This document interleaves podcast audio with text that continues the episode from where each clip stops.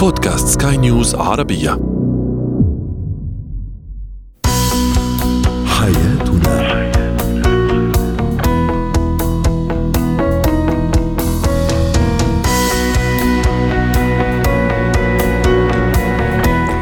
مستمعينا الكرام أهلا بكم معنا إلى برنامج حياتنا برنامجكم اليومي الذي يعنى بشؤون الأسرة وباقي الشؤون الحياتية الأخرى والذي يمكنكم الاستماع إليه عبر منصة سكاي نيوز ارابيا dot com slash podcast وباقي منصات البودكاست الأخرى. معي أنا أمل شاب. نتحدث اليوم عن طريقة الانفصال عن الشريك لكن بعقلانية واحترام.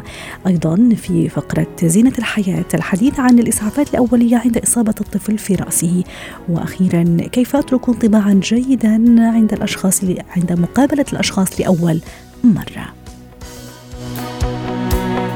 هو وهي.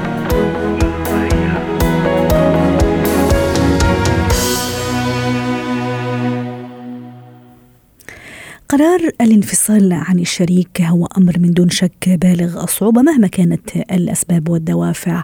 عدا طبعا وجود أطفال هناك العديد من سنوات العشرة الطويلة والذكريات المشتركة والمواقف أيضا المشتركة. لكن إذا حدث الطلاق فهو حدث. لكن كيف أنفصل عن الشريك باحترام وعقلانية؟ للحديث عن هذا الموضوع تنضم إلينا عبر الهاتف من دبي لما الصفدي الاختصاصيه النفسيه والاسريه يسعد. مساك مساكي ست لما. يا أهلا مساء النور. يا مساء مساءك سعيد أهلا بك أستاذة لما كيف يجب أن تكون الأث... العقلانيه عفوا والاحترام يعني حاضرين بشكل كبير وشكل أساسي عند عند حدوث الطلاق والانفصال عن الشريك؟ ربما هذه هي المعادله في هذا القرار لأنه بأغلب الأحيان نحن بناخذ قرار طلاق أكيد ما في حدا بيكون سعيد بهذا القرار. وكل شخص بيكون هو عنده خسارة معينة. وأحيانا الأصعب إذا كان في وجود أطفال فبالتالي بيكون التعاطي مع الموضوع بعدائية أحيانا أكثر مع أنه المفروض تكون أقل ولكن فعلا هي بتكون أكثر. لأنه بيكون في أحد الأشخاص في نزاع على النفقة على مصاريف الأطفال فبالتالي العداء بيكون كبير. كيف فينا نحن نخلي الموضوع بعقلانية؟ بأنه أولا نعطي فرصة للطلاق. يعني كثير أشخاص بياخذوا هذا القرار على السريع بيروحوا للمحكمة. نتيجة هاي الفكرة أغلب المحاكم حاليا ما بتاخذ قرار طلاق. يعني دائما في موجه أسري. والسبب بأنه المفروض حتى تفاصيل الطلاق الطلاق تكون بأسلوب حضاري نوعا ما. وهذا شيء ضروري لأنه بالمحصلة خصوصا إذا في أطفال نحن ام أم وأب يعني المفروض الحفاظ على نوعية العلاقة الموجود فيها. في بعض العائلات بتنجح أن هي تصل لهي المرحلة وبيكون الطلاق فعلا حضاري نوعا ما ولكن بيكون يا أما في يعني اثنين متساعدين فيها الأب والأم أحيانا جهة واحدة قد تكفي. يعني من التجارب اللي نشوفها كل يوم أحيانا إذا كانت الزوجة متفهمة وقررت بأنه هي ستساعد الزوج ليكون طلاق هادئ مريح تكون العلاقة أفضل. والعكس صحيح. جميل. ولأي درجة ست لما يعني لازم نفرق بين الحب والمحبة؟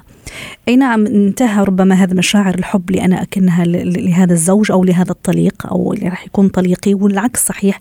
لكن في شيء اسمه محبة اللي هو أكبر وأعمق و... ويعني فيها أشياء كثيرة في, في هذا المصطلح أو تحت هذا المصطلح تندرج أشياء كثيرة أليس كذلك؟ طبعا آه رح أعطيكي مثال بأنه بأغلب الأحيان لما بيوصلوا عندي زوج وزوجة هن على حافة الطلاق. اولا بيكون عندهم مرحلة الاندهاش يعني هن انبهار من الشيء اللي عم بيصير فبنشوفهم جدا عدائيين. بعد فترة بيكون في مرحلة حزن شديد اللي كل شخص بيقول أنا قدمت وأنا ضحيت وأنا سويت.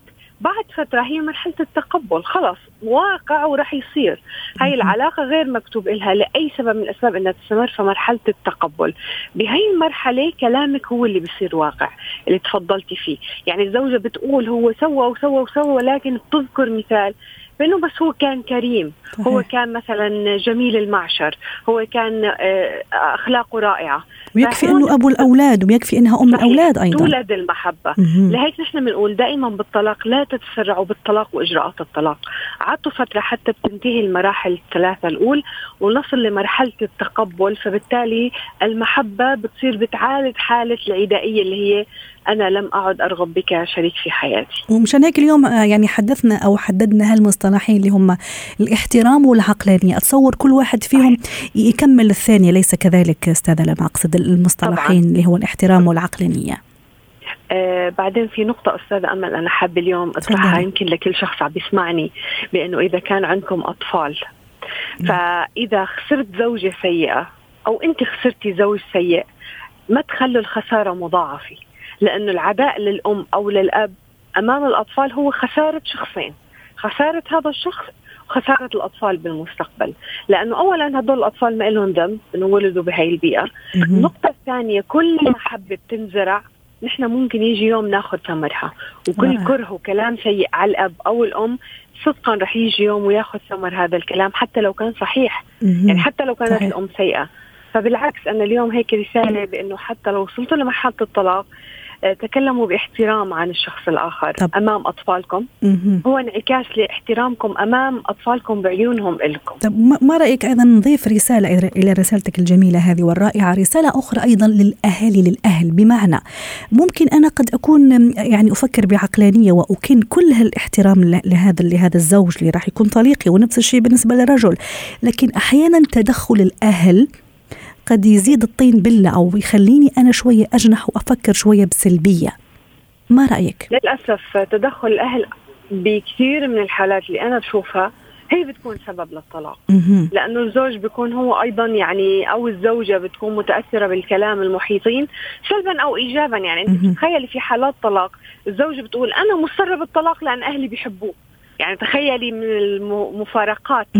يعني إلحاح الأهل أحيانا بيكون سلب أو إيجاب ممكن يؤدي إلى الطلاق.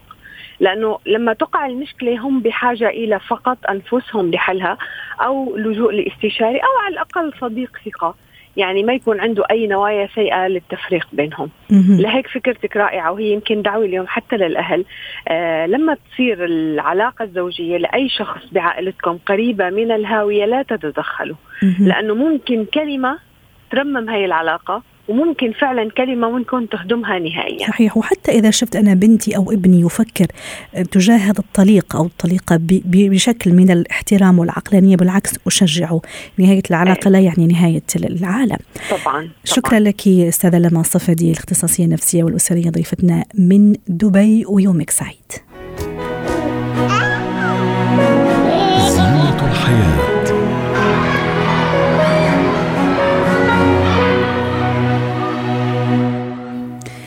نتحدث اليوم عن الإسعافات الأولية لإصابة الرأس عند الصغار وما يصاحبها ربما من حالة هلع وخوف عند الأهالي. للحديث عن هذا الموضوع ينضم إلينا عبر الهاتف استشاري طب الأطفال دكتور أحمد عبد العالي. سعد مساك دكتور أحمد. أهلا بك يا أهلا بك يا أهلا وسهلا دكتور أحمد شيء طبيعي إنه أطفالنا دائما يعني يوقعوا يتعثروا وما إلى ذلك واحيانا السقوط يكون شوية آه، صعب بالنسبة لهم لكن ماذا عن السقوط أو الإصابة في الرأس اللي هي منطقة جدا حساسة وينصح إنه الأطفال أو الطفل ما يوقع على رأسه خاصة في الأشهر الأولى أو السنة الأولى على الأقل. طيب طفلي وقع دكتور أحمد كيف أتصرف؟ والإصابة كانت في الرأس. آه، تمام. يعني أحب أقول إن في الأول الإسعافات الأولية بصفة عامة يجب على الجميع معرفتها لأنها ده حياتنا اليومية. صحيح. آه ونحن دائما نحب نركز كمان في برنامج حياتنا على هالمواضيع اللي تجمع بين الأمور الطبية الصحية وحتى يعني اللي لازم الواحد يكون عارفها في بيته. تماما. تمام. آه بتتراوح خطورة الإصابة حسب عمر الطفل وشدة الارتطام خصوصا الجزء الأول جزء بيلمس الأرض عند السقوط هو الراس لأن ده مركز ثقل بالنسبة لأي شخص أو للطفل بصفة عامة يعني. اسباب الإصابات في الرأس دايما آه، اللي بنشوفها في في المستشفى أو في الطوارئ آه، ممكن الطفل يسقط مع السرير خصوصا عند بداية حركته من عمر ثلاث لست شهور أو بعد كده أثناء الزحف أثناء المشي عند ركوب دراجة لو هو كبير شوية لو آه، طفل جه يشيل أخوه الصغير نتيجة عدم الاتزان ممكن يسقط منه أخوه يقع على على الأرض يرتطم برأسه. في في الحالات دي طبعا ن- لازم في حاجات first aid أو إسعافات اوليه حاجات معينة نعملها في البيت الأول بصرف النظر عن شدة ال- الخبطه الارتطام. الارتطام لو في جرح خارجي لازم نطهر الجرح. ونضغط عليه لمنع النزف لو في كدمة ممكن نحط تلج عليها أو كمادات تلج. آه، لازم نفحص ال- ال- ال- الطفل كويس. ولأن في أعراض معينة بتعتبر جرس إنذار ولازم يروح المستشفى فورا ومراجعة ال- الطبيب. ال- الأعراض دي زي أي نقص في وعي ال- الطفل أو تغير في درجة وعيه. آه، نوم مستمر بكاء متواصل ترجيع مستمر أو ترجيع أكتر من مرتين آه، طفل رفض الرضاعة آه، في تشنجات في نزف لاحظناه من الأنف أو من الأذن أو أو في ملتحمة العين أو إذا كان حجم الكدمة كبيرة أو الطفل عنده صعوبة في التنفس أو أي أعراض أخرى في الحالة دي لازم نراجع ال- ال- الطبيب فورا و آه، وعشان اتخاذ اللازم طبعا الدكتور بيقدر يحدد آه، مدى الإصابة وفحص العين مهم جدا لأن العين تعتبر هي النافذة على على المخ. نقدر نشوف منها إذا كان في أي تأثير في المخ أو أو لأ. أحيانا الأذن أيضا دكتور أحمد ولا لأ ما عندها علاقة؟ والأذن الأذن طبعا. الأذن هي العين العين هي المنظار أو أو نافذة المخ. إنما لو في كسر في الجمجمة أكيد بينزل سائل أو دم من الأذن. فده علاقة برضو غير. غير مباشرة يعني. آه، بس الدكتور بيقوم بعمل ال- الإسعافات اللازمة وبيقوم بعمل صور اشعات طبعا ال- الأشعة العادية غير مفيدة لازم أشعة مقطعية أو رنين على حسب ال- الحالة. والطفل في الحالات اللي أنا ذكرتها دلوقتي محتاج إنه يتحط تحت الملاحظة في في المستشفى على الأقل 24 ساعة. آه، بس ده ده كل ما يتعلق بال بال جميل. الجرس الانذار لل- للأهل المفروض ياخدوا بالهم منه جميل يعني حتى لخص دكتور أحمد إذا ما ارتطب ارتطم عفوا ابني بأي شيء أو سقط من سريره آه، يفضل أنه إذا كان في جرح يعني نضغط على الجرح حتى يطلع ال ال هذا الدم وإذا كان في أي كدمة أيضا ممكن نحط ثلج على. على على المنطقة ودائما الرعب والخوف دكتور أحمد يكون لما كل ما يكون الطفل أو الرضيع أصغر يعني أبو شهر شهرين ثلاثة أربعة هون الرعب يكون أكبر لأنه عندنا إحنا التصور وأتصور هذا هو الصح إنه كمان رأسه ودماغ الطفل لسه ما اكتملتش صح ولا لا؟ أكيد لا اوافقك تماما صح. طبعا يعني تفضل بقول إن الأطفال مسؤوليتنا ويجب إن هم يكونوا تحت أعيننا باستمرار السرير بتاع الأطفال لازم يكون له مواصفات معينة لما ينام لازم يكون له سندات أو أو حتى يعني يكون آمن أو لو ما فيش سندات أو أو مكان يتقفل عليه فيه ممكن يكون تحط أشياء عالية مخدات أو حاجة عالية عشان تأمنه. آه، تغطية ال- ال- الأرض لمص الصدمات لو لو حصل آه، وقوع آه، لازم كمان آه، عدم ترك كراسي أو ترابيزات عالية بجوار النوافذ. لأن دي برضو بتعمل مشاكل كتيرة صحيح آه، م- موضوع هز الطفل ل- دكتور أحمد أو البيبي الرضيع مثلا إذا وقع وابتدى في نوبة البكاء ممكن أنا كأم آه، أطبطب عليه وأهزه بما فيه منطقة الرأس اللي هي أيضا آه، ارتطمت قبل دقائق هل هذا ينصح فيه ولا لا؟ آه، أطبطب عليه ده ده آه طبعا ينصح إنما. إنما هز الطفل لا هز الطفل بصفة عامة أو هز الرأس بصفة عامة ده شيء غير صحي بالنسبة للأطفال وبيسبب مشاكل ممكن يسبب مشاكل في المخ لو الهز عنيف خصوصا إذا كان بعد خبطة أو ارتطام واضح وتبقى طبعا دائما زي ما دائما تتفضل دكتور أحمد معنا في كل لقاء إنه أولادنا هم مسؤوليتنا يعني وما عندنا أي عذر إنه طفلي يقع أو يصيبه أي أي مكروه. شكرا لك دكتور أحمد عبد العال استشاري طب الأطفال كنت معنا عبر الهاتف من دبي. مهارات حياه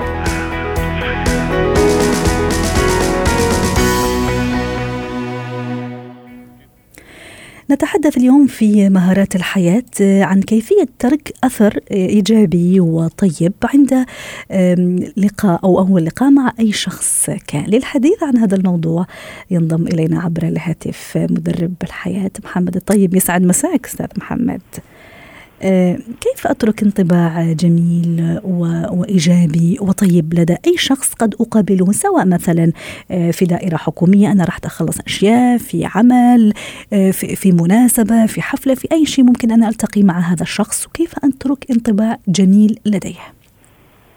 مساء الخير. مساء النور.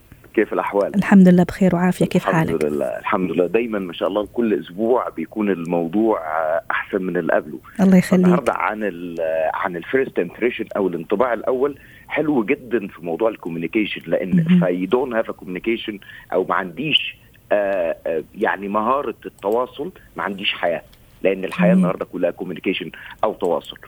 فال first impression إحنا دايما بنسمعها وبنيجي نقول آه إن آه خد بالك إن مش هيكون في فرصة تانية تعمل آه انطباع الأول. وبرضه في مثل تاني بيقول العبرة في النهاية. طب أنهي واحدة صح؟ عارف أنا دايما بحب أسألك علشان نتكلم في الحوار. أنا بالنسبة لي أنا أؤمن بال first impression is last impression اؤمن بيها. أكتر من العبره في النهاية أو ال last impression يعني إلى حد كبير. صحيح صحيح عندك حق.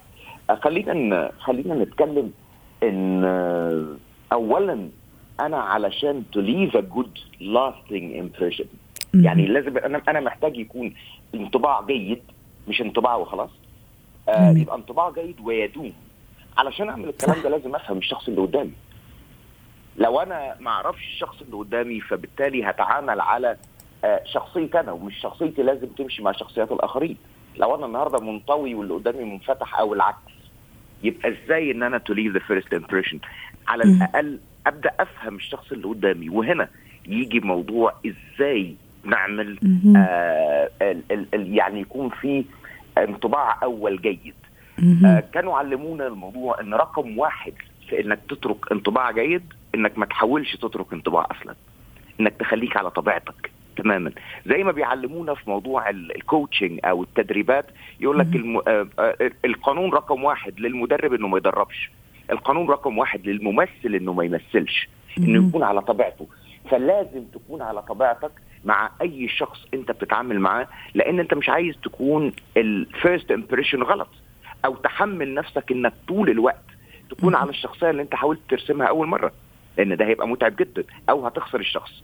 فبالتالي أنا لازم أكون على طبيعتي وفي نفس الوقت آخد النقطة رقم خمسة من آه العادات السبعة اللي هي كانت try to understand before you be understood which is آه افهم لتفهم. أنا النهارده لو ما سمعتش مش هعرف أوصل أي انطباع. ولو ما وصلتش انطباع جيد أنا في الآخر أو حتى غير أنا في الآخر مش هيبقى ليا أي ريمارك تمام.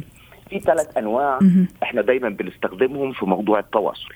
بس خلينا ناخدهم بشكل عشان يكون سهل على المستمعين. فهنحطهم على 3 Vs يعني في في في أول V هي ال verbal communication آه وده استخدام الكلمات والعبارات اللي أنا بحاول أستخدمها مع الشخص علشان أكون سايب آه انطباع جيد. منها الكلام الإيجابي الكلام المحفز ومنها برضو الكلام اللي يكون بيتخلل الجملة اسم الشخص لأن أنا محتاج إن أنا اتذكر اسمه علشان يحس إن فيه اهتمام بيني وبينه. وفي ألفة.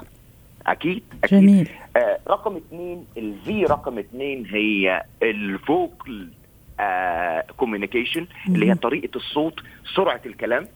آه ال volume إذا كان الصوت عالي أو لأ أو منخفض وفي نفس الوقت كمان آه نوع الصوت والطريقة اللي انت بتتكلم بيها. لأن إحنا دايما لما بنيجي نستخدم أنواع من الصوت على حسب أنا بحكي story أو بتكلم في حاجة حزينة أو حاجة آه مبهجة بيختلف ال tones بتاع بتاعي. طيب. أما رقم ثلاثة هي ال visual وده ال V رقم ثلاثة ال visual communication اللي هو ال body language النهارده إحنا كنا بنتفرج على تشارلي تشابلن أو توم and جيري وما سمعناش لا صوت ده ولا صوت ده وكنا بنفهمهم كلهم ليه؟ مهم. لأن ال body language international فالنهاردة تقدر توصل حاجات كتير جدا بال body language بتاعك أو بلغة الجسد اللي بتستخدمها في التعامل مع الآخرين علشان ت leave انطباع جيد وفي ملحوظة هنا كانوا دايما يعلموها لنا يقول لك إن ال emotion الإحساس comes from motion إن آه،